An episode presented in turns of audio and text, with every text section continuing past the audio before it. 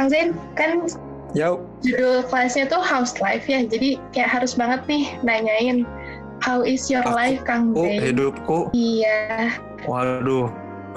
Luar biasa aku hidupnya lagi sedang ajrutan ya. Ajrut. Jadi Ajrut- kadang di atas, itu kadang di ya? bawah, tapi lucu lah. Muternya tuh cepet, alhamdulillah banget. Dan lagi sering ada isu ngomong-ngomong mindful ya, seru banget ya mindful Oh, ini. iya. Satu kata istilah populer yang dahsyat banget. Dan ini jadi satu tren. Dan itu juga lagi aku cobain sih, mindful dan memang lumayan. Karena istri aku dari dulu udah nyuruh buat mindful ya, terutama makan ya, mindful Oh. eat. Sekarang nih bulan puasa harus mindful. Tadi sahur aja aku lupa makan apa ya Allah. Kacau. Saking nggak mindful ya, tanda Saking- nggak mindful iya. Tapi aku makan nggak ya tadi sahurnya? Bahkan makan aja nggak inget gitu ya, Ah, makan nah itu tuh ya? pentingnya mindful itu. Iya, benar banget ya. Terus kan sekarang juga di rumah terus banyak Ya. mungkin nih jadi nggak sadar kalau misalnya sekarang hari apa ya? Sekarang tanggal berapa ya? Eh bener bener banget itu itu bener Tahu-tahu udah banget. Mei aja gitu kan? Ini malam aku di WA sama Alvin aja. Kang besok jangan lupa ya jam 10 Hah, nanti linknya dikasih Lala. Besok bukannya tanggal 5 ternyata besok. Ah kacau. Luar biasa. Sampai lupa bener-bener Oh. hari. Terus mungkin eh, ada tantangan juga kita lebih jenuh mungkin ya Kang Iya betul. dengan nggak bisa ke mana-mana tuh Betul betul ya banget. udah ketemunya sama ruangan lagi ruangan lagi Betul. Nah, eh, nggak usah yang panjang, kita langsung aja ya Kang, dimulai. Eh, silahkan Kang. Ya. Bismillahirrahmanirrahim. Assalamualaikum warahmatullahi wabarakatuh semuanya. Mudah-mudahan sehat selalu ya, stay safe. Terima kasih ya udah yang udah pada hadir nih beberapa muka-mukanya aku kenal nih kayaknya nih. Sering ketemu nih ya Dwi ya, hello ya. Ada Afin, ada Chandra juga ya. Aku tuh di sini diminta untuk ngomongin hitam dan putih kehidupan karena kelasnya juga kelas wow ya kalau makna aksara tuh bikin kelas itu selalu ada nuansa-nuansa yang apa ya kalau warna itu warnanya pastel ya. Selalu menyejukkan ya eh, hangat ya warm. Hangat banget lah. Dan itu sesuatu yang nikmat banget kelihatannya. Dan memang bikin tenang itu karena apa? Karena kita mewadahi dua sisi yang berbeda. Jadi aku kalau sempat menyimak bahasa saya waktu mindful ya kan itu aduh adem banget. Terus juga tegar ya pasti materinya kan mantap banget ya tentang perspektif dan sudut pandang oh, dokter tauhid apalagi ya itu dokter apa seniman ya? Ah luar biasa ya. Mantep banget gitu. Dan di sini atau Mbak Hani? Aduh Mbak Hani mah udah jangan ditanya. Keseimbangan pada dua sisi ya. Jadi eh saya mau mulai gini nih. Allah itu menciptakan segala sesuatu itu pasti dengan maksud yang precise. Nah kenapa saya pakai kata precise karena pasti pasti presisi pasti detail. Jadi nggak mungkin kayak kita ya kadangkala nggak sempurna yang bikin sesuatu tuh asal jadi. Ini pasti nggak ini pasti bikin sesuatu dengan precise termasuk dengan membuat sesuatu yang berkubu-kubu. Ada hitam ada putih ada baik ada buruk ada dualitas atau ada dualisme. Nah dualisme ini diciptakan itu bukan untuk memilih mana yang lebih baik di antara yang satu itu itu yang suka saya gemes banget ya. Kadang-kadang orang tuh kalau udah milih satu berarti yang lainnya itu salah. Jadi kemarin juga kan sempat ngobrol sama Alwin. Eh Alwin ada nggak di sini? Oh ada ya itu ya. Sempat ngobrol sama Alwin kan ngomongin saya betapa gemesnya ngelihat orang-orang yang bahwa yang bagus itu growth mindset. Karena lawannya fixed mindset. Dia seolah-olah yang benar itu yang growth. Yang fix itu salah. Atau yang nanti misalkan ada pokoknya tiap ada dualitas itu kalau kita udah milih yang satu maka yang satu lain itu seolah-olah salah. Nah padahal nggak kayak gitu. Dari dulu itu dua-duanya juga pasti mengandung kebaikan. Dua-duanya mengandung kebaikan. Yang dua-duanya memang harus kita kontrol. Jadi kalau berlebihan di salah satu maka berlebihan di salah satu maka akan menyebabkan sesuatu terjadi pada diri kita. Nah itu yang penting. Saya akan mulai dengan kisah di Jazirah Arab dulu ya, zaman sirohnya eh, sahabat Rasul namanya Ali bin Abi Thalib karena ini penting dan nanti juga saya akan sharing tentang cerita eh, penelitiannya Henry Tajfel ya sama Peter Pettigrew. Henry Tajfel ini orang Yahudi yang keluarganya tuh berhasil lolos dari ya itu tadi ya apa serangan Nazi itu loh. Ah, Saya mulai dari kisah Ali dulu. Ini ada di Tarikh Al-Bidayah wa Nihayah, termasuk kitabnya yang sangat populer untuk membaca sirah atau sejarah. jadi Ali ini jadi di, diangkat jadi khalifah dan uh, home base-nya, home base pemerintahannya tuh di Kufah, ya, bukan di Madinah tapi di Kufah.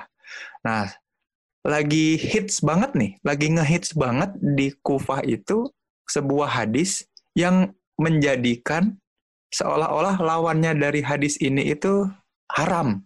Jadinya gini, ada hadisnya tuh namanya hadisnya tuh bilang gini, la tasrob ko iman. Janganlah minum sambil berdiri. Ah, jadinya membuat hadis itu seolah-olah yang minum sambil berdiri itu adalah orang-orang yang terlaknat dan haram. Jadi minum sambil berdiri itu perilaku yang haram. Gitu. Nah, itu tuh jadi kalau tiap ada yang berdiri tuh di hardik di malah di, hampir dihukum cambuk gitu ya seolah-olah jadi seolah-olah itu tuh haram banget lalu melihat Ali itu Ali bilang gini wah ini nggak nggak beres nih saya akan ke tengah kota jadi beliau itu ke tengah kota Ali ke tengah kota terus tengah kota Kufa terus bilang gini Oi, kumpul, kumpul. Nah, orang-orang pada kumpul semua. Terus dengan demonstratif, beliau minum sambil berdiri. Aduh, itu luar biasa. Dan ketika itu kan minum sambil berdiri di tengah kota Kufah, orang-orang warganya pada kumpul, secara demonstratif itu pada kaget semua. Kaget semua. Hah? Langsung, kok bisa-bisanya khalifah, sahabat Rasul yang mulia ini minum sambil berdiri? Gitu. Terus akhirnya Ali bilang ini, sesungguhnya aku menemani Rasul ketika aku sangat kecil. Sesungguhnya ini pun pernah diriwayatkan oleh Abu Darda, oleh Aisyah radhiyallahu an dan oleh Ibnu Abbas katanya. Hadis yang bilang bahwa yasrobu, jadi Rasul itu yasrobu minum ko iman wa ko idan. Minum sambil duduk dan juga berdiri gitu. Jadi pernah di satu-satu sisi, di satu-satu waktu Rasul juga pernah minum bahkan makan sambil berdiri. Tapi ada situasi khusus gitu. Jadi nah maksudnya bukan saya ingin berdiri, bukan anjurannya minumnya sambil duduk. Tapi jangan sampai, nah ini dia, kata-kata Ali itu gini, tapi jangan sampai pro-nya kita, mendukungnya kita ke duduk, eh, ke minum yang duduk itu, membuat kita menjadikan minum yang sambil berdiri itu sesuatu yang haram, sesuatu yang menjijikan, sesuatu yang harus kita hukum. Jangan. Jadi jangan sampai kesukaan kita terhadap satu bagian membuat kita tidak adil terhadap bagian yang lain. Itu kata Ali. Mudah-mudahan ini sampai sini jelas ya. Jadi jangan sampai kita karena pro sama sesuatu sampai sama yang kon saya ingat banget pas pilpres itu ya aduh luar biasa pusing ya. Yang pendukung Jokowi itu mikir bahwa Prabowo dan pendukungnya itu penjahat gitu ya sampai segitunya gitu pada dualisme itu. Atau sebaliknya yang Prabowo itu menganggap yang dukung Jokowi dan ah dan Jokowinya itu penjahat padahal kan nggak gitu. Itu yang harus diwaspadai nah ini juga masuk ke ceritanya Henry Tajfel Tajfel juga mikir kenapa sih kenapa sih orang bisa sebegitu bencinya terhadap sesuatu yang dianggap beda sama dia sesuatu yang dianggap bukan sisinya yang dia pilih ya sampai sini kebayang ya kok orang tuh sampai memperlakukan secara berbeda sesuatu atau seseorang yang memilih sisi yang berbeda dari kita. Apa yang menyebabkan seperti itu? Gitu. Nah, Tajfel mulai meneliti. Nah, penelitiannya bagus banget. Jadi, dan saya amazed banget. Jadi, saya sa sangat mencintai psikologi sosial itu karena eksperimen-eksperimen dahsyatnya itu ya. Salah satunya yang dilakukan sama itu, itu eksperimen yang kalau teman-teman googling gampang banget di googlingnya namanya minimal group paradigm minimal group paradigm atau paradigma grup yang seminimal mungkin. Jadi saya pernah bikin eksperimen ini waktu masih ngajar di UPI ini. Mungkin ada yang saya ajar waktu itu yang saya eksperimenin ya.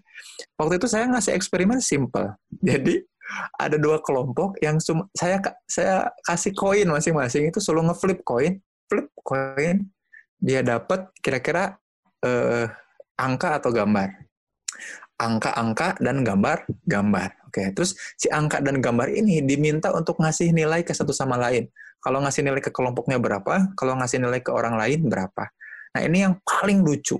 Ini kesimpulan penelitiannya. Ketika diminta ngasih nilai untuk dia dan kelompoknya, atau orang yang berada dalam kelompoknya, dia selalu ngasih nilai itu bagus atau lebih tinggi. Tapi kalau diminta untuk ngasih nilai ke orang lain, ke kelompok lain, itu pasti lebih rendah dari ngasih nilai ke kelompoknya. Jadi kalau aku ngasih nilai ke kelompok ke teman di kelompok aku tuh ngasih nilainya 8, ke kelompok lain itu 6.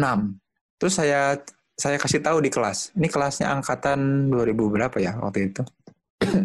saya ngajar angkatan 2012 sudah ya. Ya Win ya, Vini, Siska itu 2012 ya berarti? Iya, 2012 kan. Wih, di baru, wih, Suganti lagi tidur.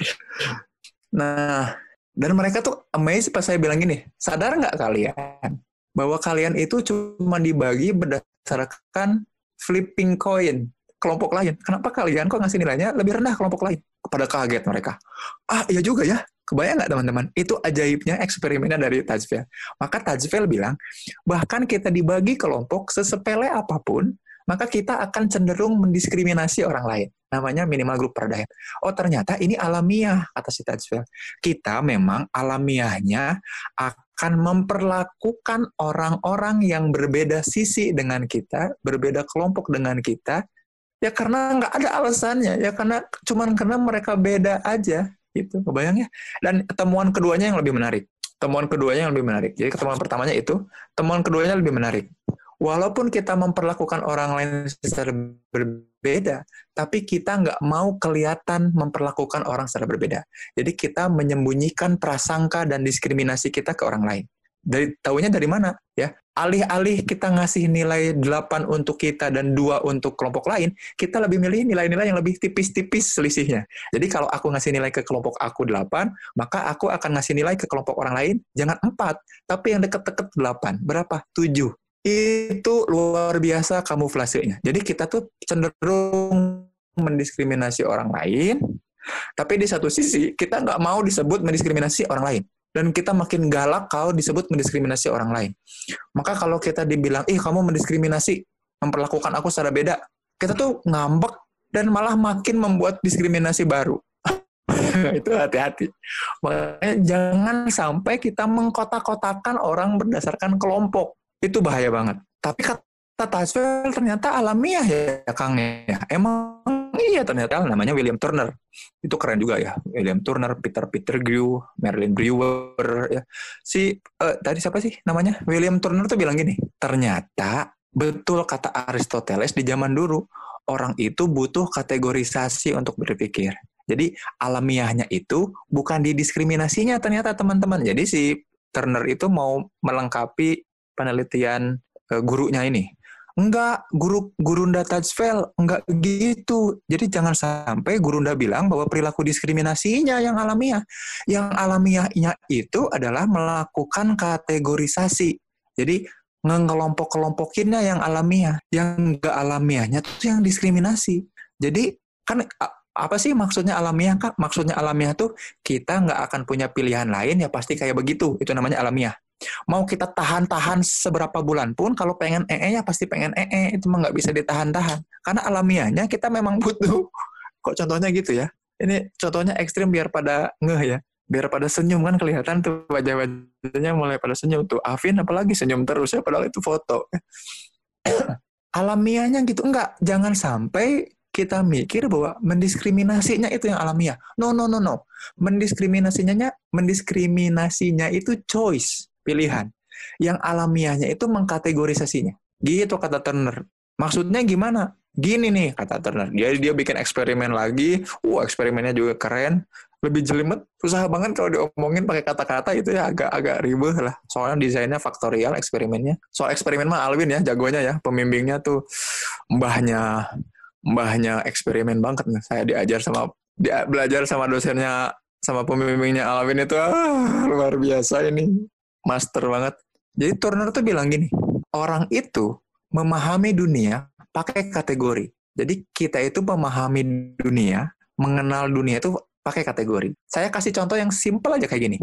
Kita lagi jalan, terus tiba-tiba ketemu orang lain, terus nyapa. Hey Zain, hey, masih inget nggak? Enggak, dalam hati, tapi ya nggak nggak bilang enggak, tapi dalam hati siapa ya siapa ya itu saya lihat mukanya nah muka si ini muka orang yang nyapa ini lalu saya cari kategorisasinya ini teman SMP bukan teman SMA bukan nah kebayang nggak saya ngebayangin muka dia berdasarkan kategorisasi jenjang pendidikan kebayang ya Coba kalau kita nggak punya kategorisasi, bablas. Ini gimana cara nginget? Bayang ya. Dan itu alamiahnya kita. Kita tuh alamiahnya akan menggunakan kategorisasi untuk merecall berpikir. Ketika saya ketemu, eh Kang, ingat aku? Bukan, bukan, bukan. Ah, teman kuliah. Beda jurusan ya? Oh iya, nah. Kategori itu ngebantu banget. Jadi kategorisasi itu ngebantu kita untuk memahami dunia. Memahami dunia. Jadi memahami itu bukan melakukan dan merespon, tapi memahami. Jadi ada dunia, kita butuh kategori untuk memasukkan dunia itu ke dalam diri kita. We create categorization. Jadi kata Turner, human atau people itu think in the aid of categorization. Jadi manusia itu berpikir dengan bantuan kategorisasi. Ya, kita butuh kategorisasi. Makanya kalau kita nggak punya folder dalam laptop kita, ada file baru masuk, pusing kita, acak-acakan desktop desktopnya teman-teman tuh pasti acak-acakan. Uh, folder downloadnya teman-teman cek deh. Abis downloadin Korea banyak nggak kita folderin ya?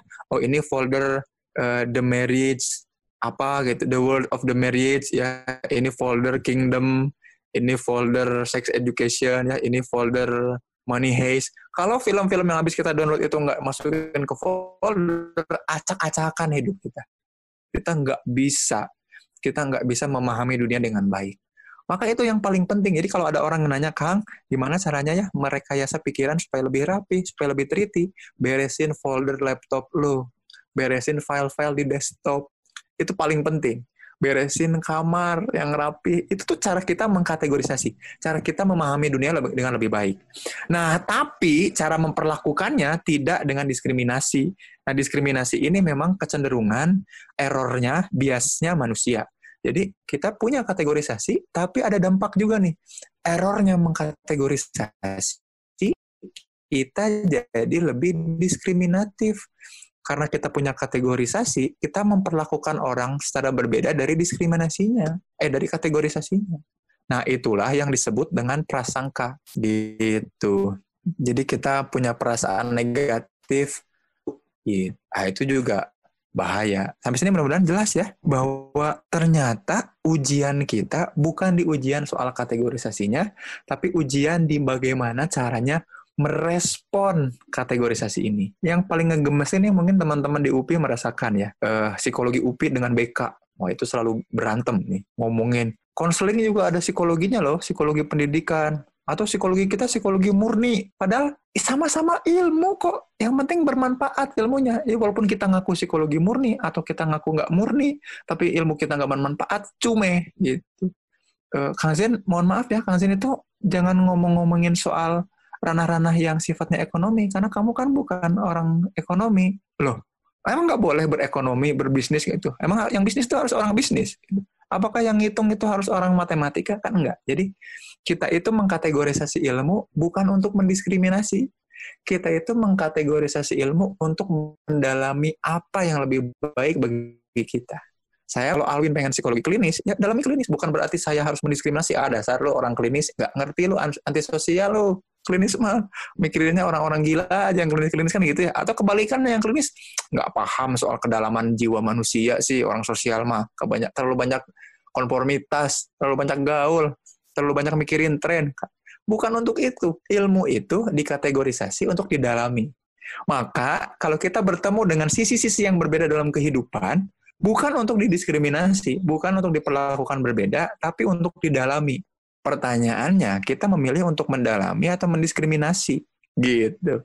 Apakah dengan adanya dualitas hitam dan putih kita milih untuk mendiskriminasi yang hitam lebih baik daripada yang putih? Enggak, dua-duanya sama baik ternyata. Cuman kita ingin mendalami yang mana? Kehitamankah kayak kerudungnya Ilsa sekarang? Atau putih seperti kerudungnya Lala itu? Ah, putih apa? Abu-abu lah ya. Itu apa? kan bukan untuk bukan untuk kita perdebatkan maka yang harus kita pertahankan adalah akal sehat, kewarasan untuk bisa membedakan bahwa ini itu hanya kategori dan aku punya kendali penuh, aku punya kendali penuh atas perilaku yang aku pilih untuk lakukan. Itu yang paling penting. Maka di sini menjaga keseimbangan pada dua sisi itu penting. Maka nggak ada yang dua hal yang betul-betul baik-baik banget, nggak ada yang buruk-buruk banget. Menjaga diri pada titik keseimbangan di mana kita oke okay, kalaupun aku harus milih, aku milih untuk mendalami bukan untuk mendiskriminasi yang satu.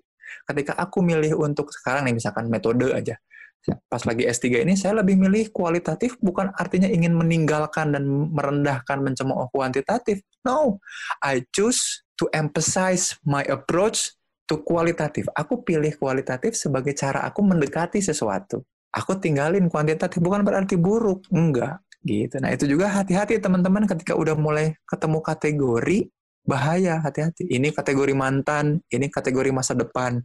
Mantan pasti buruk, masa depan pasti baik. Enggak gitu, men. Dua-duanya ada peluang jadi jodoh. Ya enggak? Dua-duanya ada peluang jadi urusannya yang mana yang ngajak duluan nikah gitu aja. kan gitu. Kalau kita udah mulai mengkategorisasi dan pada akhirnya mendiskriminasi, kita memilih untuk kalah gitu. Jadi makanya di psikologi itu bukan bukan supaya positif, bukan supaya negatif. Enggak, bahkan positif dan negatif juga pilihan kita. Tapi gimana caranya kita selalu sadar penuh bahwa kita berada di tengah-tengah dan we we have the right and free will to choose. Kecuali untuk hal-hal yang alamiah ya. We have the right and free will to choose. Kita punya kebebasan untuk memilih kecuali di hal-hal yang sifatnya alamiah gitu. Itu yang bisa saya sampaikan di awal-awal ini. Selanjutnya mungkin nanti dieksplor dari pertanyaan-pertanyaan aja ya atau barangkali saya ngomongnya ketinggian ya. Ini tuh udah saya coba rendah-rendahin ya. Nah, di istilah psikologinya tuh namanya keseimbangan ini namanya homeostatis. Homeostatis. Jadi seolah-olah statis di satu sisi padahal supaya imbang aja supaya imbang aja di tengah-tengah, balance dan hati-hati ini dalam keseimbangan. Bahkan dengan niat baik menyeimbangkan, Thanos pun berbuat buruk, ya nggak? Uh, jadi kalau kita mengkategorisasi itu bukan berarti buruk ya, bukan berarti sisi yang lain itu buruk yes. gitu ya, tapi kita harus bisa ada di tengah-tengah kayak maksudnya saya memilih ini tapi bukan berarti hal yang tidak saya pilih itu buruk yep. gitu. Oke, okay, chat. Nah, langsung ada yang nanyain Kang. uh, katanya, Kak izin bertanya, dalam dinamika kehidupan manusia, terus mengejar goals, kebahagiaan, dan kesuksesan. Namun ketika menghadapi kegagalan, kita sedih, kecewa, dan denial dengan kegagalan tersebut. Yeah. Padahal hal tersebut hal yang lumrah sebagai keseimbangan dari kesuksesan, berhak sukses dan gagal. Bagaimana kakak menanggapi hal ini? Setuju. Itu ya tanggapannya udah. Bener, Kang Ade ya, betul banget. Terutama soal kegagalan tuh kayak gini. Saya sering kali bilang, saya tuh paling senang mikirin kayak begitu ya, uh, finding the right way to think about things itu gue banget lah. Setelah ketemu waktu itu di UI itu, lagi S2 ketemu sama orang namanya Dave Wards ya, profesor dari Edinburgh, profesor filsafat. Terus aku tuh pengen kuliah filsafat, pengen kuliah filsafat. Jadi S3-nya tuh pengen filsafat, aduh pengen jadi filsuf gitu. Cuman gara-gara jadi dosen nih harus linear, ah jadi aja. Mungkin nanti setelah lulus S3 ini akan postdoc ngambil filsafat ya. Pertanyaannya gini Kang Ade, yang disebut gagal itu apa? Bisa jadi gagalnya persepsi kita itu karena hasil diskriminasi kita. Jadi kita tuh mendiskriminasi bahwa kategorisasi ini tuh gagal dan itu tuh kita sedang berbuat tidak adil pada kategorisasi itu. gitu ya. Ini contoh, ini contoh, ini misalnya misalnya pengen masuk S2 ngelamar ke satu kampus S2 ternyata gagal. Apakah itu gagal? Belum tentu itu tuh gagal tapi kita punya kategori bahwa masuk UI itu berhasil, maka kita mendiskriminasi. Kebayang nggak sampai sini? Jadi kategorinya ini udah bermuatan. Kategorinya ini bermuatan positif kalau berhasil. Kalau masuk akan bermuatan negatif kalau nggak masuk. Nah, ketika dia, nah muatan itu dapatnya dari mana? Dari harapan kita, gitu. Maka ketika kita sedih dan kecewa, tanyakan lagi pada diri, sadari betul ini sedihnya karena apanya nih? Pasti pasti. Yang namanya sedih itu kata Robert Plutchik sedih itu akibat kesenjangan antara keinginan dengan kenyataan. Orang kita pengennya masuk nyatanya enggak. Maka sedih gitu. Padahal kita gagal enggak?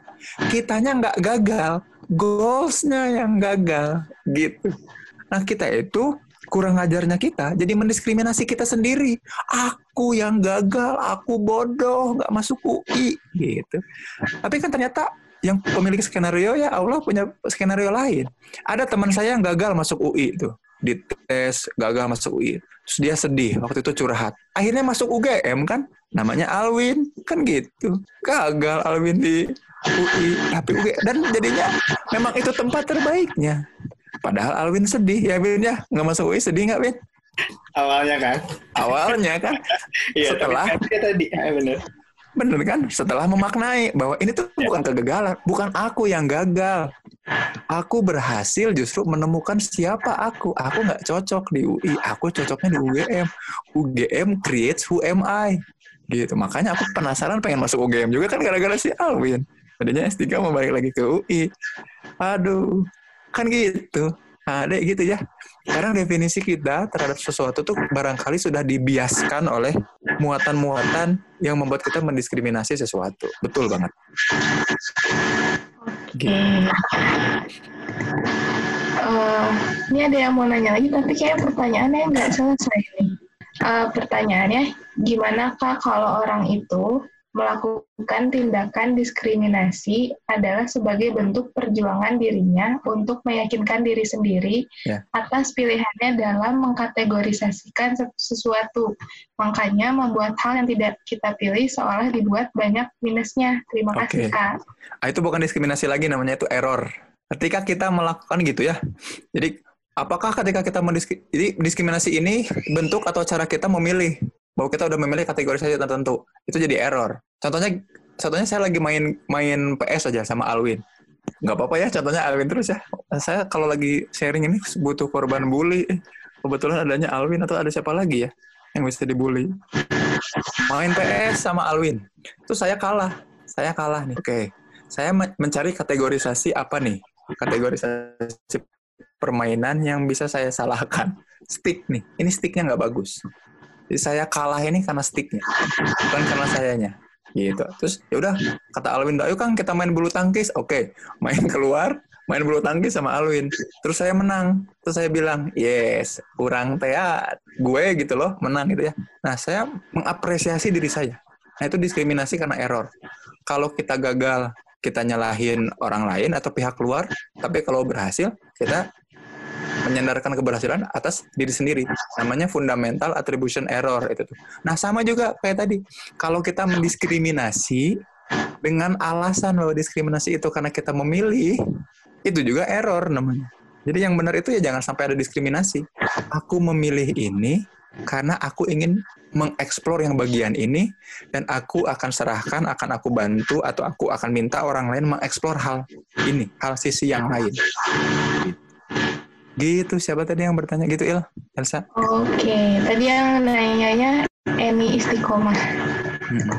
Gitu, Iya. Teh ini, istiqomah. Tapi sebenarnya ada kaitannya nggak sih Kang dengan cognitive bias? Iya, Hmm. yes. Boleh diceritain mungkin sedikit karena kan manusia itu saking cerdasnya otak manusia kadang mengalami bias-bias kognitif ya Kang ya mau itu heuristik, mau itu cognitive misers dan lain sebagainya. Iya, Mungkin apa kaitannya nih Kang dengan Iya. bias kognitif dan itu tuh apa? Ya, aku mulai jagoan eh pertanyaannya bisaan ya. Karena sepi kali ya kalau kalau kau. Jadi gini, Win. Padahal Alvin udah ngerti itu mah nggak- pertanyaannya nguji ini dasar dosen. Cocok jadi dosen. Kognitif itu kan kognitif itu aspek yang ada dalam manusia yang perannya itu untuk memproses, menerima, memproses informasi. Nah, yang disebut kognitif bias itu bias ketika kita memproses informasi. Betul. Kategorisasi itu dan diskriminasi itu diawali dari biasnya kita karena proses informasi. Kan kita bikin kategorisasi itu di kepala untuk memproses informasi itu kan. Kita kan apa masukin atau buat folder itu kan untuk mengkategorisasi. Nah, kita itu bias karena sering kali si melakukan apa namanya melakukan kesadaran untuk tidak mendiskriminasi itu membuat kita lelah gitu loh. Jadi kita tuh butuh shortcut, butuh jalan pintas. Ya, jalan pintasnya apa? Jalan pintasnya adalah dengan menggeneralisir. Menggeneralisir itu apa? Me- apa namanya? Cepat-cepat ngambil kesimpulan akan sesuatu. Misalkan eh eh jangan mau deket sama dia, dia mah orang Padang. Emang kenapa orang Padang? Gitu. Atau misalkan, kamu orang mana? Orang Padang. Iya, pasti pandai berdagang. Kenapa? Kok bilang gitu? Kan Padang, pandai berdagang. Gitu. Emang kamu orang apa? Orang Sunda. Oh, pantas suka bercanda. Gitu. Kenapa suka bercanda? Ya karena Sunda. Kan itu over generalize. Terlalu cepat menyimpulkan. Males aja untuk mengenal lebih lanjut. Karena kita males mengenal lebih lanjut, dan kita udah punya kategori sebelumnya, kita mendiskriminasi pakai itu. Itu namanya cognitive bias. Nah, kita tuh sering melakukan, sering banget melakukan itu. Kita tuh sering kali nggak mau capek. Makanya tadi Alwin sempat sebut istilahnya namanya cognitive miser manusia itu makhluk yang paling pelit mikir. Makanya orang yang kuliah itu diminta untuk mikir, diminta untuk pusing itu karena ya itu. Karena sebenarnya walaupun kita dikasih otak yang keren, yang hebat, tapi kita ternyata punya mekanisme alamiah di otak yang membuat kita untuk pelit mikir.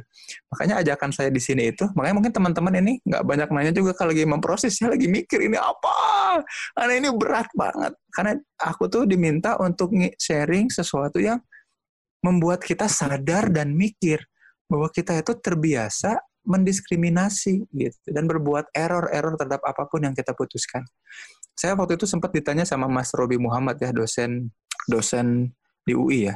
Dia bilang gini, ada yang yakin nggak bahwa pilihan kalian itu selalu rasional katanya gitu. Ketemu Pak Rahmat Hidayat di UGM juga ditanya hal yang sama.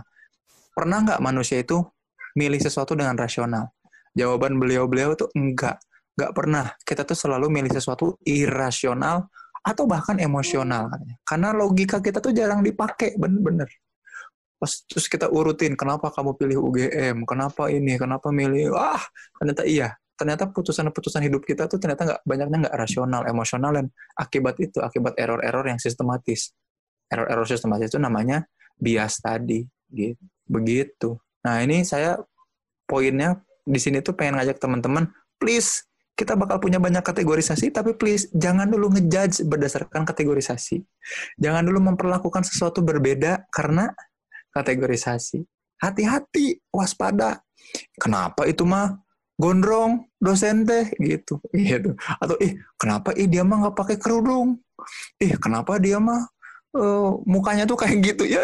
Eh, bukan urusan kita walaupun di kepala kita ada kategorisasi tertentu bahwa ini itu terkait dengan hal itu, jangan dulu ngejudge, sabar, tahan diri dulu, tahan diri dulu. Buat keseimbangan dulu pada diri kita, jangan dulu menilai berdasarkan kategori kategori tertentu. Itu yang pengen saya sampaikan sih poinnya sebenarnya itu. Gitu Il. Oke. Ini ada pertanyaan lagi. Kalau tadi kan kaitannya dengan cognitive bias ya. Kalau ini ada yang nanya katanya kait dan diskriminasi dengan maksa apa Kang katanya? Kalau kaitannya sama maksa, nggak ada sih sebetulnya ya kalau maksa, kecuali kita maksa orang kali ya. Tapi nggak kok. Diskriminasi itu kita memperlakukan orang atau sesuatu itu secara berbeda. Karena keanggotaan sama kelompok itu namanya diskriminasi. Jadi karena misalkan uh, ada dua mahasiswa aku nih, ada Ilsa sama Alwin karena Ilsa sama perempuan dan cantik, maka aku memperlakukan Ilsa berbeda ketika di kelas. Beda dengan memperlakukan Alwin yang udah malah laki-laki, nggak cantik lagi. Ah, udah butek. Aku memperlakukan Alwin secara berbeda. Nah, itu tuh diskriminatif namanya. Ada poin maksanya nggak? Nggak ada. Gitu. Tapi bisa jadi saya memaksakan. Tapi gini, ketika aku ditegur misalkan sama dosen lain, Zen, jangan kayak gitu dong. Kamu tuh ke cewek aja baik. Dasar dosen mata jelalatan. Oh iya ya atau kalau iya ya berarti kita berusaha kembali ke homeostatis ke keseimbangan tapi kalau kita bilang enggak kok aku udah adil kok si Alwinnya aja nyebelin ah itu kemaksa maksa bukan ke orang lain maksa ke diri pembenaran pembenaran nah, gitu. Oh jadi mungkin kaitannya lebih dengan uh, judgement gitu ya kang? Ya judgement dan perilaku. Kalau diskriminasi itu udah perilaku. Kita memperlakukannya memang beda tapi pasti diawali dari judgement dulu. Gitu. Oh, Okay. Terus uh, ada lagi pertanyaan dari Hartanto, uh, apakah ketidakseimbangan yang terjadi berhubungan dengan mindfulness? Oh, ada hubungannya nggak sama mindfulness gitu ya? Oh iya, kan sadari, menyadari itu, menyadari untuk tetap berada. Jadi ini, menyadari bahwa kita yang punya kuasa penuh atas pilihan itu mindful namanya. Nah, sering kali kan kita selalu didorong oleh proses-proses internal alamiah tiba-tiba mengkategorisasi aja, tiba-tiba mendiskriminasi aja. Gitu ya. Misalnya gini, lagi duduk di angkot atau lagi duduk di bus, tiba-tiba ada orang hitam masuk, kurang sedap baunya, duduk di sebelah kita. respon kita otomatis bergeser. Nah, tapi kalau tiba-tiba, eh, dompet aku hilang, tiba-tiba penghuni bus itu bilang gitu. Nah, kita tiba-tiba punya praduga ke dia, ah itu kita udah mulai error. Belum jelas faktanya, kita udah mengasosiasikan terhadap kategori tertentu, ah itu bahaya. Nah, itu juga mulanya dari situ, gitu. Oke. Terus uh, ada pertanyaan dari Rida mau nanya Kang, kalau menghilangkan prasangka yang tidak baik pada satu orang, uh, misalnya, misalnya nih karena dia punya kesan yang kurang baik di, mem di memori kita, yeah. jadinya keterusan kalau ke orang itu tuh selalu aja negatif thinking meskipun mungkin dia baik. Iya, yeah, iya. Betul. Kalau kata Pettigrew itu kontak kontak hipotesis. Kita harus sering ketemu. Kalau bahasa Qurannya itu tabayun namanya. Tabayun itu apa? Tabayan, membuat jelas, clarity, mengklarifikasi. Jadi kalau saya sih tipe orang yang kalau nggak suka atau tiba-tiba ya itu tadi kalau ada kalau ada apa namanya ganjelan dikit aja di hati saya pasti ngomong. Nggak nggak mungkin nggak ngomong. Makanya saya tipe orang yang mungkin nyelekit buat sebagian orang tapi saya pengen pengen nyobain betul-betul mindful dan pengen betul-betul seimbang gitu. Aku ngerasa ada yang salah sama kamu nih perilakunya ke aku ini gara-gara lu sebelah sama gua nggak sih ditanyain langsung kalau saya gitu. Pengen jelas. Enggak. Oke kalau enggak kenapa kayak gitu mukanya? Emang muka gua kayak gini bawaan lahir? Oh, oke kalau gitu fine. Aman dia gitu. Nah ada hal-hal yang harusnya kita buat itu. Namanya clarity itu kita perjelas. Ya. Jadi gimana cara menurunkan prasangka? Kita kontak kita berinteraksi sama orang itu supaya jelas kalau kita berprasangka sama seseorang, kita deketin, coba berinteraksi. Kita berprasangka sama si Anu, deketin, berinteraksi. Kalau bahasa Qurannya itu memang diajarin fata bayan. Kalau kita terus-menerus ada di proses prasangka itu, kita akan kehilangan diri kita.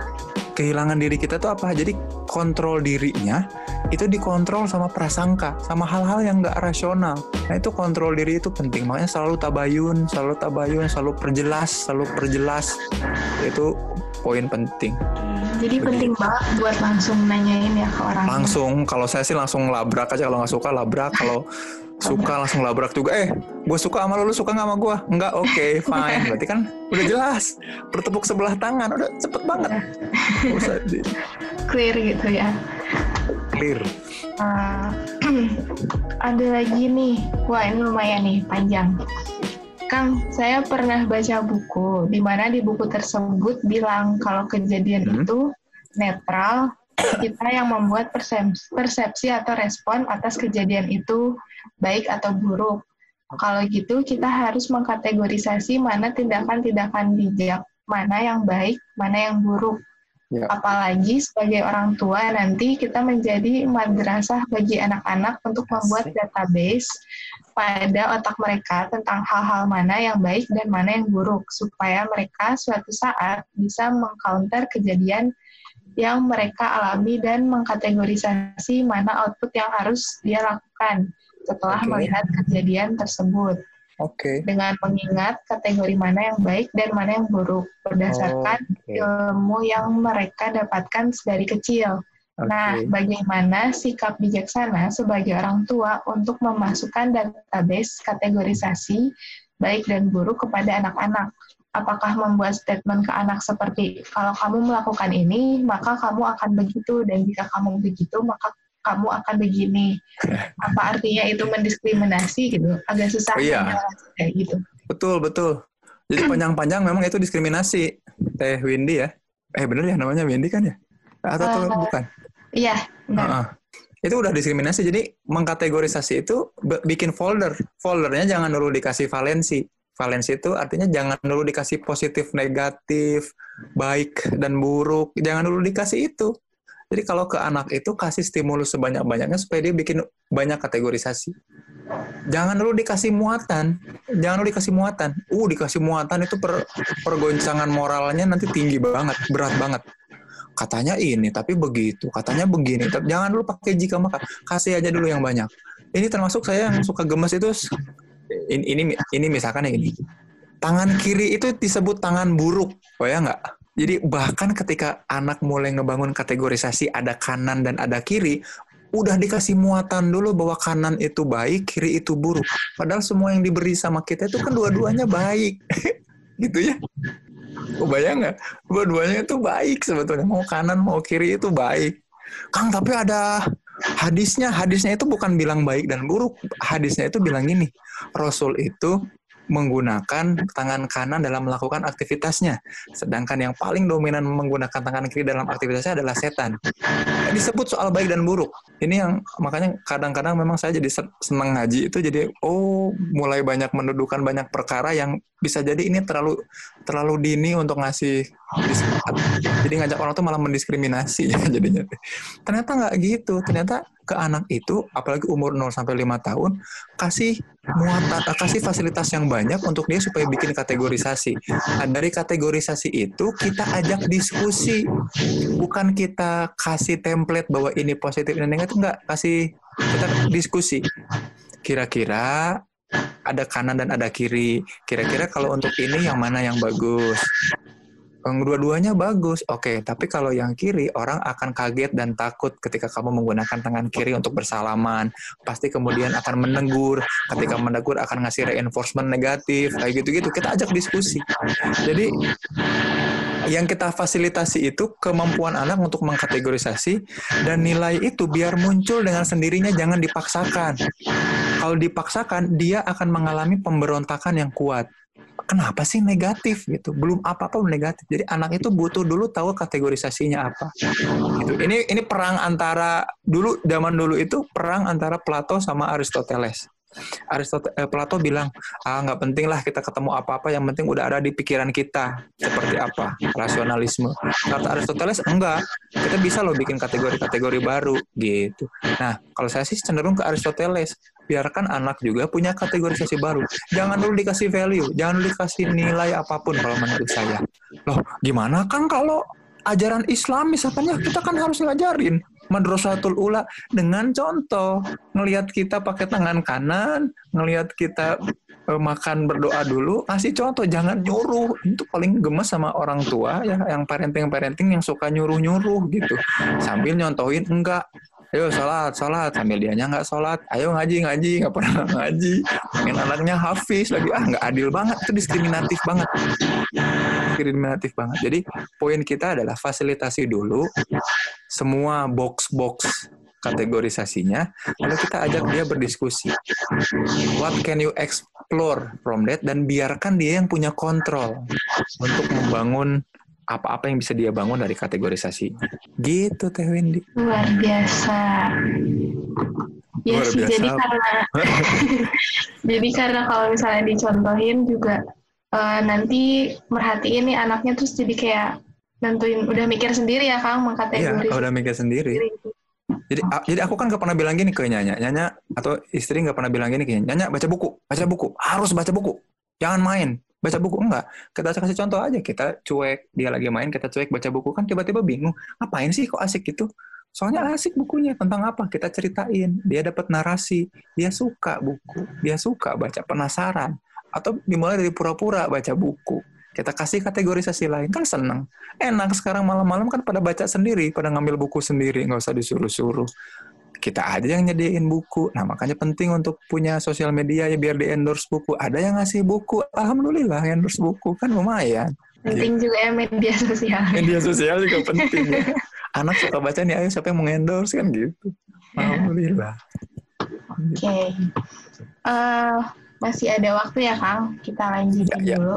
Uh, pertanyaan dari Ika Karimah, Kang gimana biar gak gampang diskriminasi Terus bagaimana untuk tahu pilihan kita udah rasional? Oke, okay. nggak tahu. Kita sebetulnya sama sekali nggak bisa tahu bahwa pilihan kita tuh rasional atau nggak. Nggak bisa. Setelah diambil, setelah melakukan, baru tahu itu rasional. Nah, kalau pertanyaannya gimana caranya supaya nggak mendiskriminasi, pastikan banyak opsi.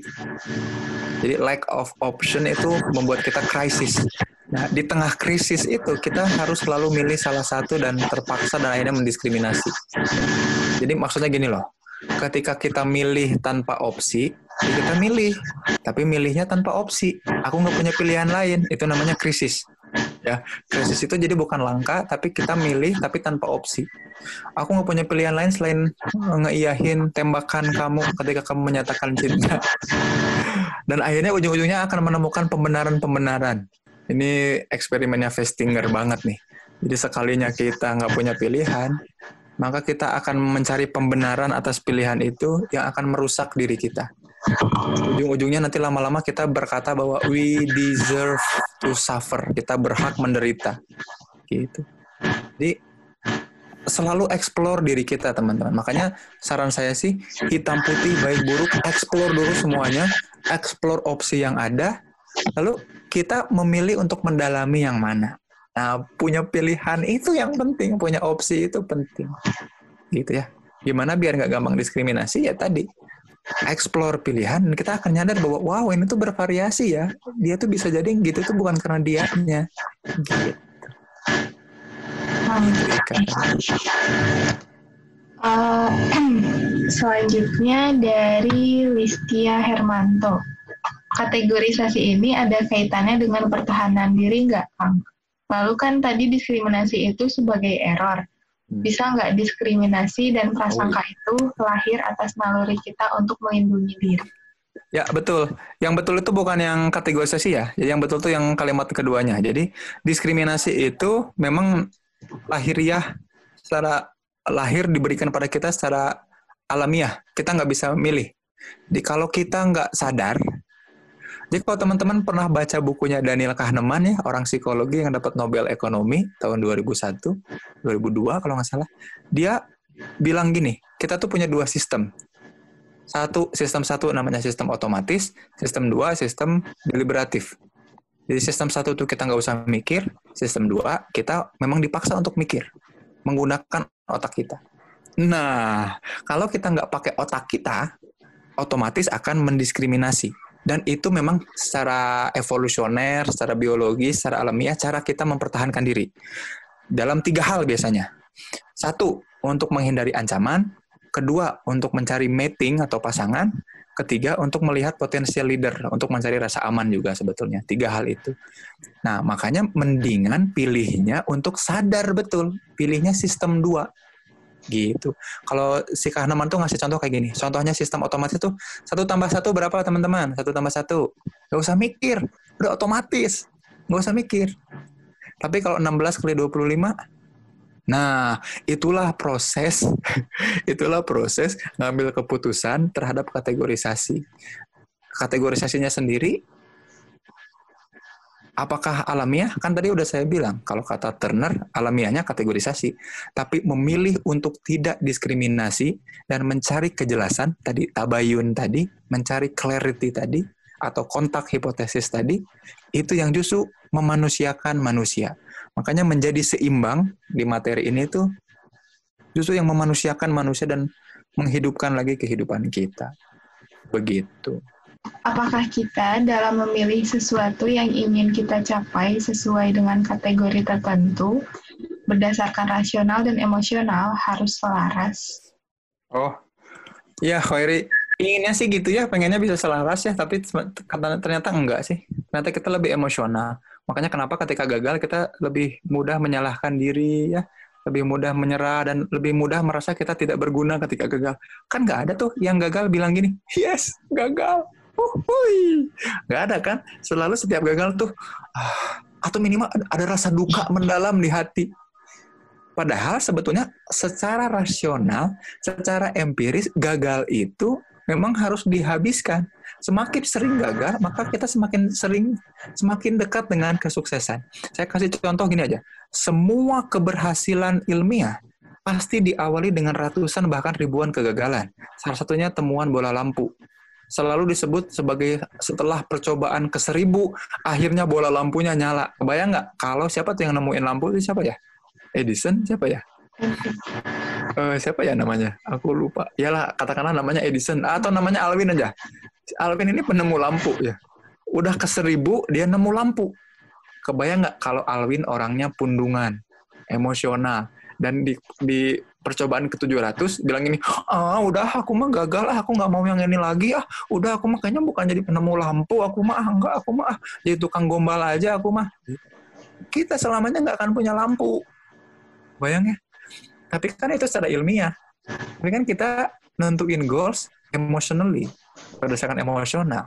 Minimal gagal melangkah, minimal gagal belokan, salah belok gitu. Itu harus gagal. Gak ada tuh keberhasilan yang gak gagal. Makanya harus mulai. Jadi syarat utamanya tuh mulai. Tapi apakah harus rasional dan emosional? Gak bisa sih. Kita sering kali lewat emosional.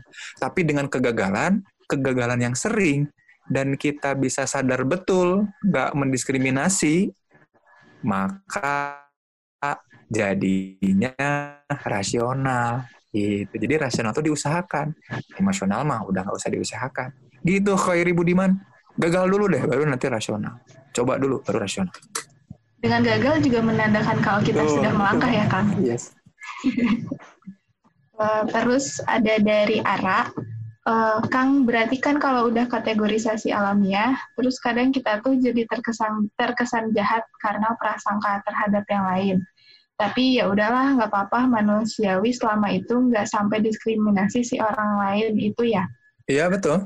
Betul tapi kita akan jadi bete sama diri sendiri gitu. Bawaannya negatif curiga dan membawa dengki kan? E, apa sih bedanya iri sama dengki? Nah ini yang merusak diri kita tuh kan iri dan dengki. Iri itu orang lain dapat kenikmatan orang lain dapat kebaikan kita pengen. Namanya iri. Ih Ilsa asik banget. E, apa ya misalkan kakaknya Ilsa asik banget ya ke luar negeri kuliahnya, aku pengen. Itu iri. Tapi kalau dengki beda. Deng iri dan cemburu sama aja ya. Eh beda-beda dengan nanti kapan-kapan dibahas kalau cemburu. Iri sama dengki ini mah. Kalau cemburu itu orang lain dapat kenikmatan, tapi kita ingin mencabut kenikmatan itu dari orang lain. Itu namanya dengki uh, kakaknya Ilsa ke luar negeri. Gimana caranya supaya gagal dia pas balik lagi di Indonesia? Wah, itu baru dengki. Nah, prasangka itu memang nggak masalah ya selama kita nggak diskriminasi, tapi di hati kita itu itu busuk, itu jadi hal-hal yang busuk. Kita tuh bawaannya tuh pengen orang lain luka, nggak ada doa-doa bagus, nggak ada kalimat-kalimat positif. Kehilangan positivity in ourselves gara-gara prasangka itu yang harus kita hindari. Jadi oke, okay, kalau kita mikir bahwa masih aman lah, masih belum diskriminasi, cuma prasangka doang kok. Eh, hati-hati, justru prasangka yang ditumpuk ini jadi noktah-noktah hitam dalam kehidupan kita yang buat kita tuh jadi rusak sebetulnya. Gitu arah. Waspadalah. Oke, itu kayaknya mirip nih sama, maksudnya ada kaitan sama pertanyaan berikutnya. Kan gimana kalau lihat sisi hitam putih di penjahat gitu? Oh iya, Oke. Okay. Atau terduga tersangka. Misal dalam kasus okay. kekerasan atau pelecehan seksual. Satu sisi kita empati sama korban, jadi cenderung yes. lihat si penjahat buruk terus. Tapi gimana okay. ya, kalau namanya juga penjahat.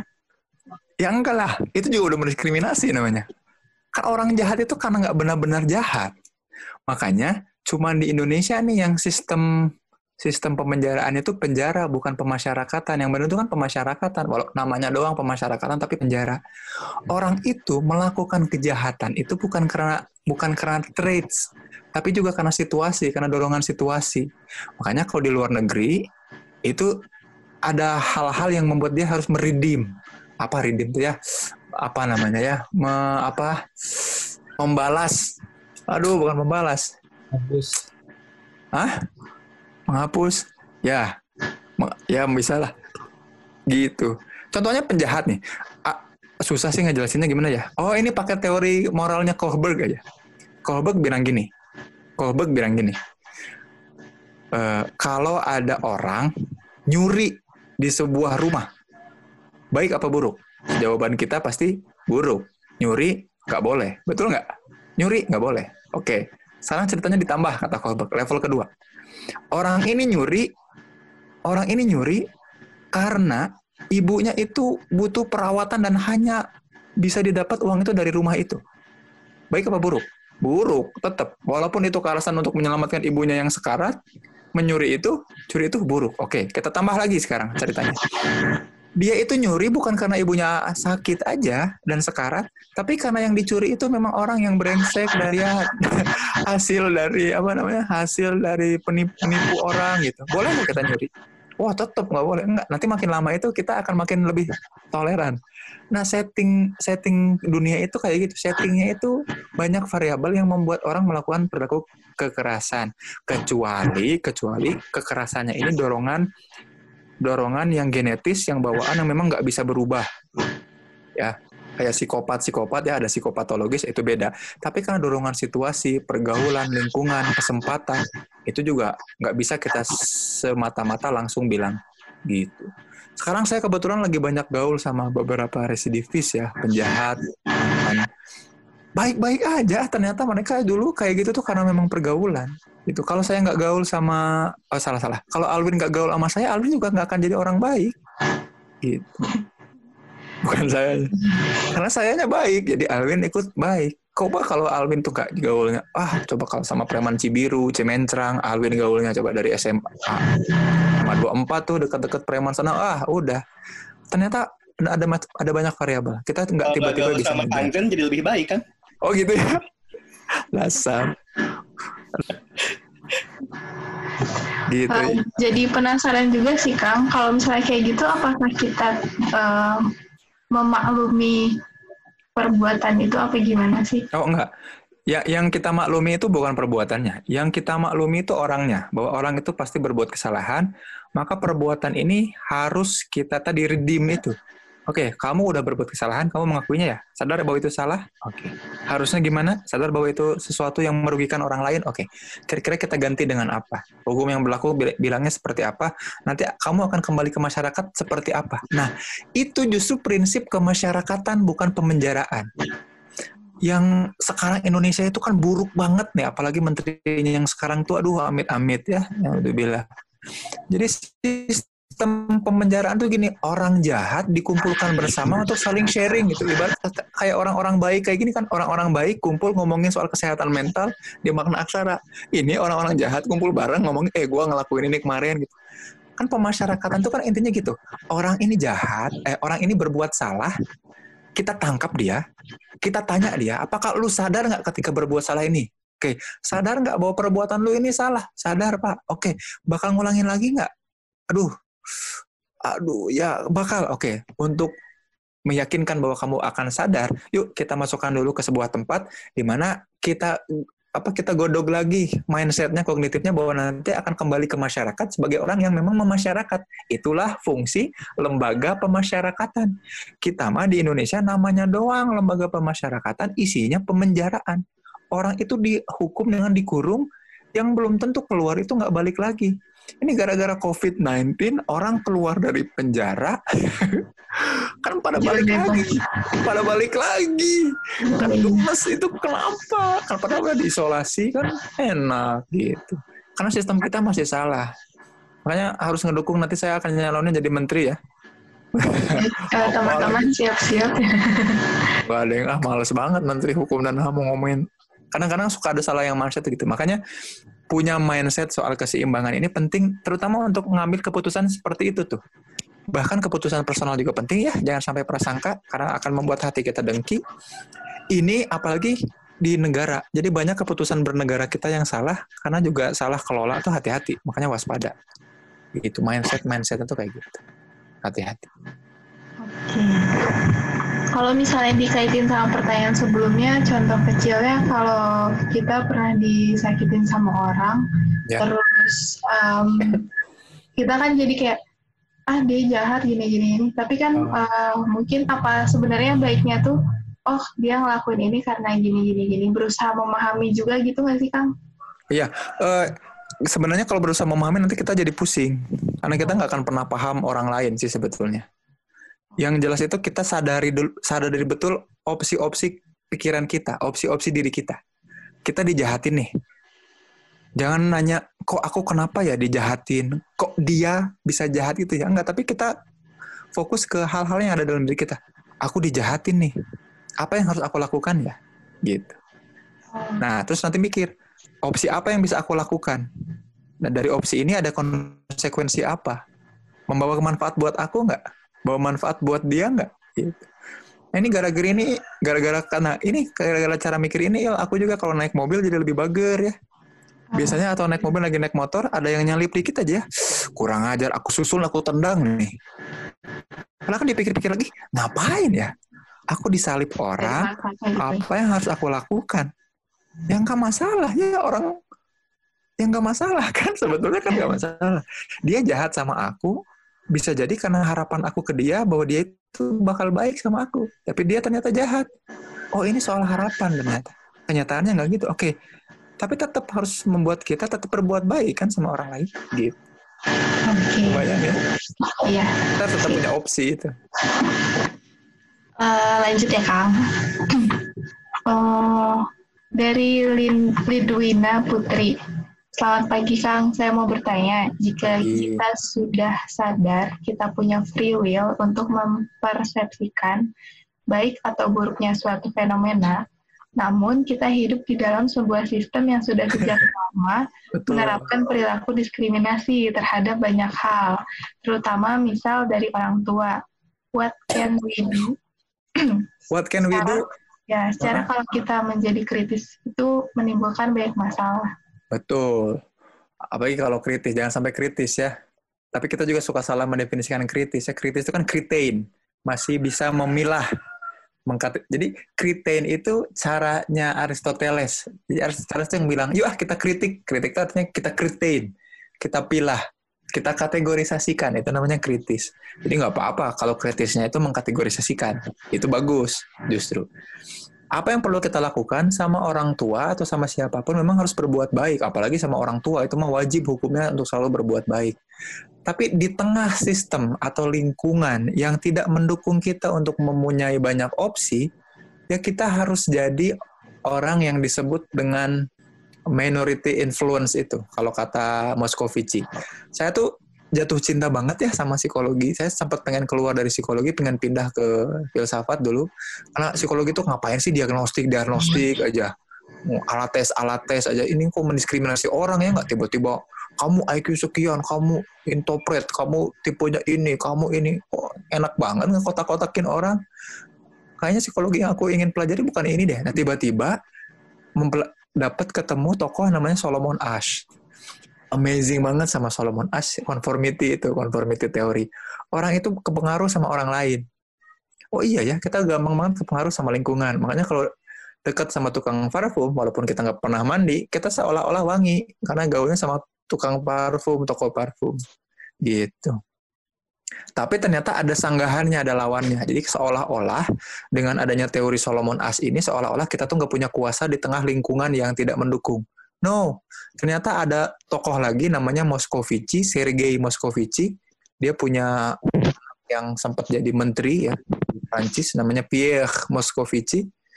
Itu punya penelitian namanya minority influence, yaitu orang yang menunjukkan bahwa dirinya berbeda dan memiliki idealisme dan konsisten dengan idealismenya, tapi tetap memperlakukan orang lain dengan baik dan mulia. Itu namanya minority influence. Jadi ketika orang bilang gini gini gini, hmm, enggak aku enggak gitu, aku yang ini aja nggak apa-apa ya. Hmm, enggak, no no, aku nggak gitu, aku gini aja nggak apa-apa ya. Tetap jadi minority influence. Nanti lama-lama kita yang justru mempengaruhi orang lain. Gitu. Minority influence inilah yang justru banyak ngaruh sekarang itu kan ya. Orang nggak suka alisnya dirubah-rubah. Aneh banget kan ketika ada pertama kali orang alisnya digambar-gambar, dirubah-rubah. Tiba-tiba semua perempuan di alisnya dirubah-rubah. Dulu khas papis, nggak ada yang mau pakai sepatu khas papis. Apa sih? Anak kecil banget. Sepatu Converse. Apa sih? Bahan kanvas kayak gini. Tiba-tiba ada seorang pebasket yang pakai tahun 70-an 80-an Will Chamberlain. Semua pada pakai. Minority influence. Konsisten dibilang gitu. Ya ini juga gondrong. Asalnya seorang sendirian gondrong. Lama-lama ada beberapa orang pada ikut gondrong. Dimarahin aja yang minority influence kayak gitu sih. Kita mulai dari diri kita. Kita mulai ngasih contoh jadi syaratnya adalah ngasih contoh dan ngasih contoh bukti dan konsisten. Contoh bukti konsisten contoh bukti konsisten. Jangan lewat omongan. Orang bakal kebal lewat omongan. Kasih contoh. Contoh konsisten. Contoh konsisten. Contoh konsisten. Contoh konsisten. Itu ya Kalau misalnya dari omongan jadinya capek sendiri juga ya, nggak Ah, nggak nggak mempan gitu. Bukan cuma gak mempan dia malah jadi antipati sama kita. Eh masalahnya sih itu. Oh, kalau kita Iya. ngomong orang itu malah attitude inoculation namanya. Dia makin kebal sama apa yang kita omongin makin nggak percaya sama kita. Tapi kalau kita ngasih bukti makanya kan pernah ada quotes ya kalau kamu sudah sukses dan kaya bahkan kentut atau omongan sembarang kamu pun jadi quotes katanya gitu. Ya makanya memang nggak ada cara lain memang lewat contoh dan bukti yang konsisten. Oke. Ini ada yang nanya tapi ke chat private dari Aulia. Izin bertanya Mhm. Pak, dalam berkolaborasi dengan banyak orang, tentu Yes. kita akan menemukan berbagai tantangan.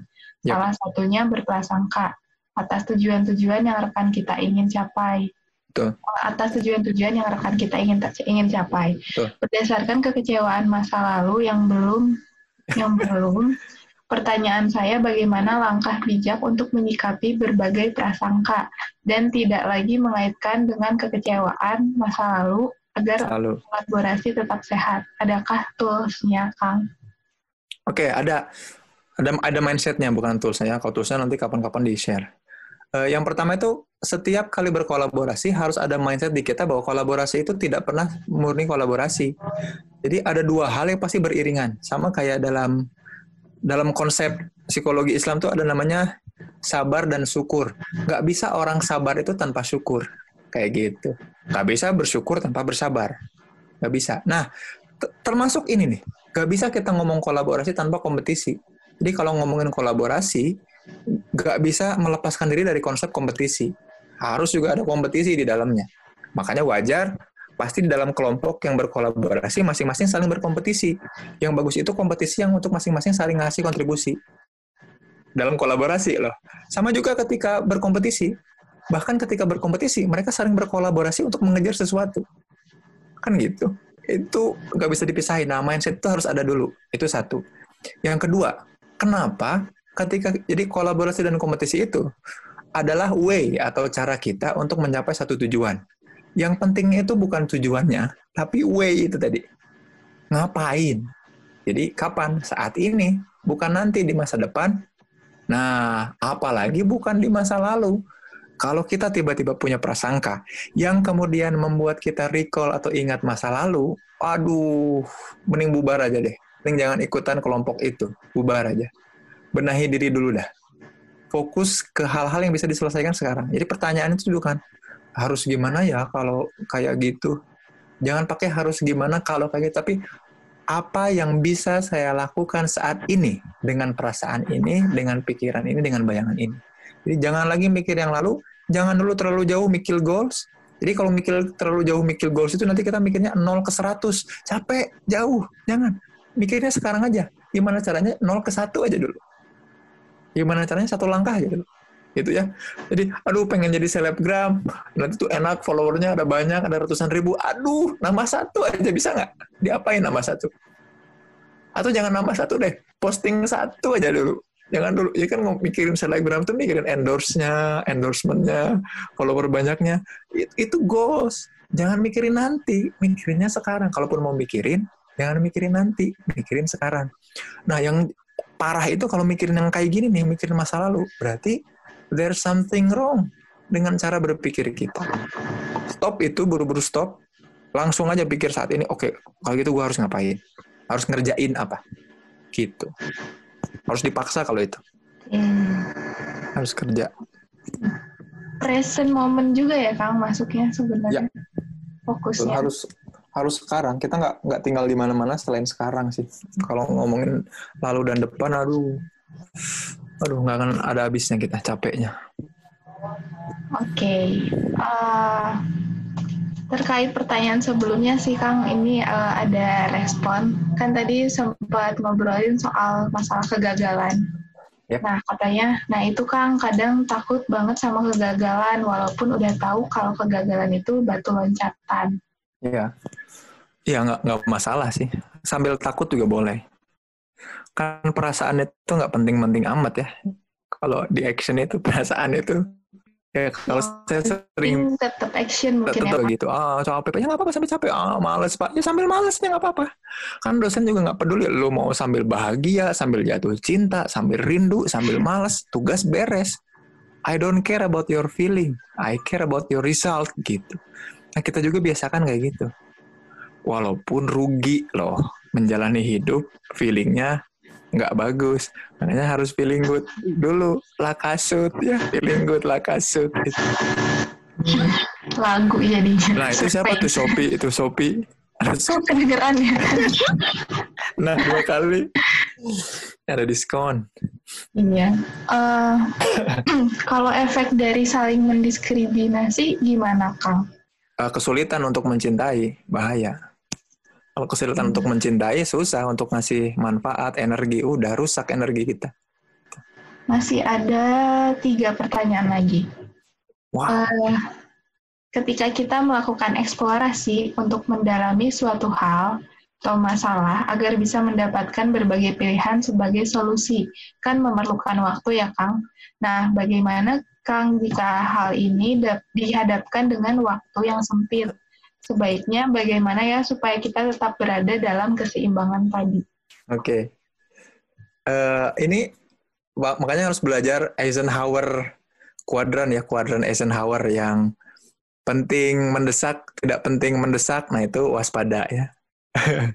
itu kita eksplorasinya jangan jadi gini, jangan sampai eksplorasi kita itu di hal-hal yang selalu penting mendesak aja terus. Kan kita gitu ya, kalau terhadap hal-hal yang tidak penting dan tidak mendesak suka kita abaikan. Nah, sejak hal-hal itu masih di tidak penting dan tidak mendesak, kita mulai eksplor diri kita. Gitu. Jadi eksplor diri dari hal-hal yang tidak penting dan tidak mendesak. Ini tuh orang-orang yang kebiasaan prokras itu ya, yang menunda karena lebih memilih untuk melakukan distraksi dibanding aksi gitu. Jadi aku tuh sebenarnya bisa loh. Eh, aku mau upload YouTube ah. Eh, tapi bentar dulu deh. Sebelum aku rekaman dan upload, mending aku cek-cek dulu deh video-video keren apa aja. Kan itu habisin waktu kita. Nonton video orang lain itu kan not urgent and not important. Tiba-tiba mana videonya? Katanya mau jadi YouTuber. Oh iya, gagal deh. Hahaha. gitu. Udah deh. Nah, waktu-waktu sempit ini alasan kita aja karena kita masih nggak punya prioritas. Namanya Eisenhower Metric kalau nggak salah. Nanti siapa namanya? Yang membagi empat kuadran itu ya? Iya, Eisenhower Matrix deh. Baca itu itu banyak banget yang ngasih tips-tips soal itu. Dan kita pastikan kita selalu explore itu di bidang-bidang yang not urgent but important. Nah, di situ kita explore. Atau baca dulu deh Eisenhower Matrix, asik kok seru. Itu masih dipakai sampai sekarang. Seru. Oke, so pakai banget nih kayaknya buat aku yang juga lagi prokras ngerjain skripsi ya. Wah, itu. Kalau aku rajin banget ngerjainnya yang dibimbingnya yang sama dikasih feedbacknya nih yang waduh ngeri. Eh, mungkin nanti dari teman-teman makna aksara bakal sharing kali ya yang soal empat kuadran itu buat teman-teman bisa Mm-mm. nemuin prioritas. Ah iya tuh buat konten bagus tuh. Makna. Oke. Lumayan nih jadi ada insight gitu kan. Mm.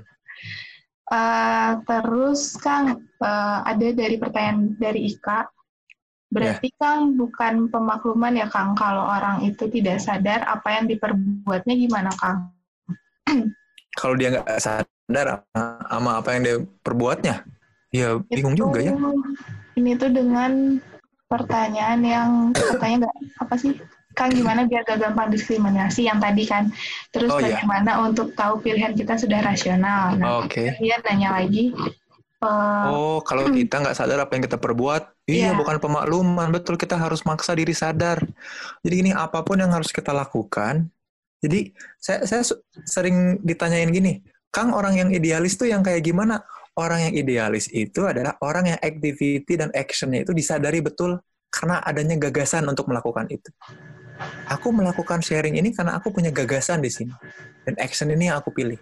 Jadi idealis yang orang paham itu orang-orang yang kekeh sama satu hal padahal itu bukan idealis namanya namanya keras kepala saking nggak sadarnya sama apa yang dia lakukan dia keras kepala sama hal itu itu namanya pemakluman dan pembenaran betul Ika Betul. harus sadar Oke. Jadi sadar tuh benar-benar udah kuncinya banget ya, Kang.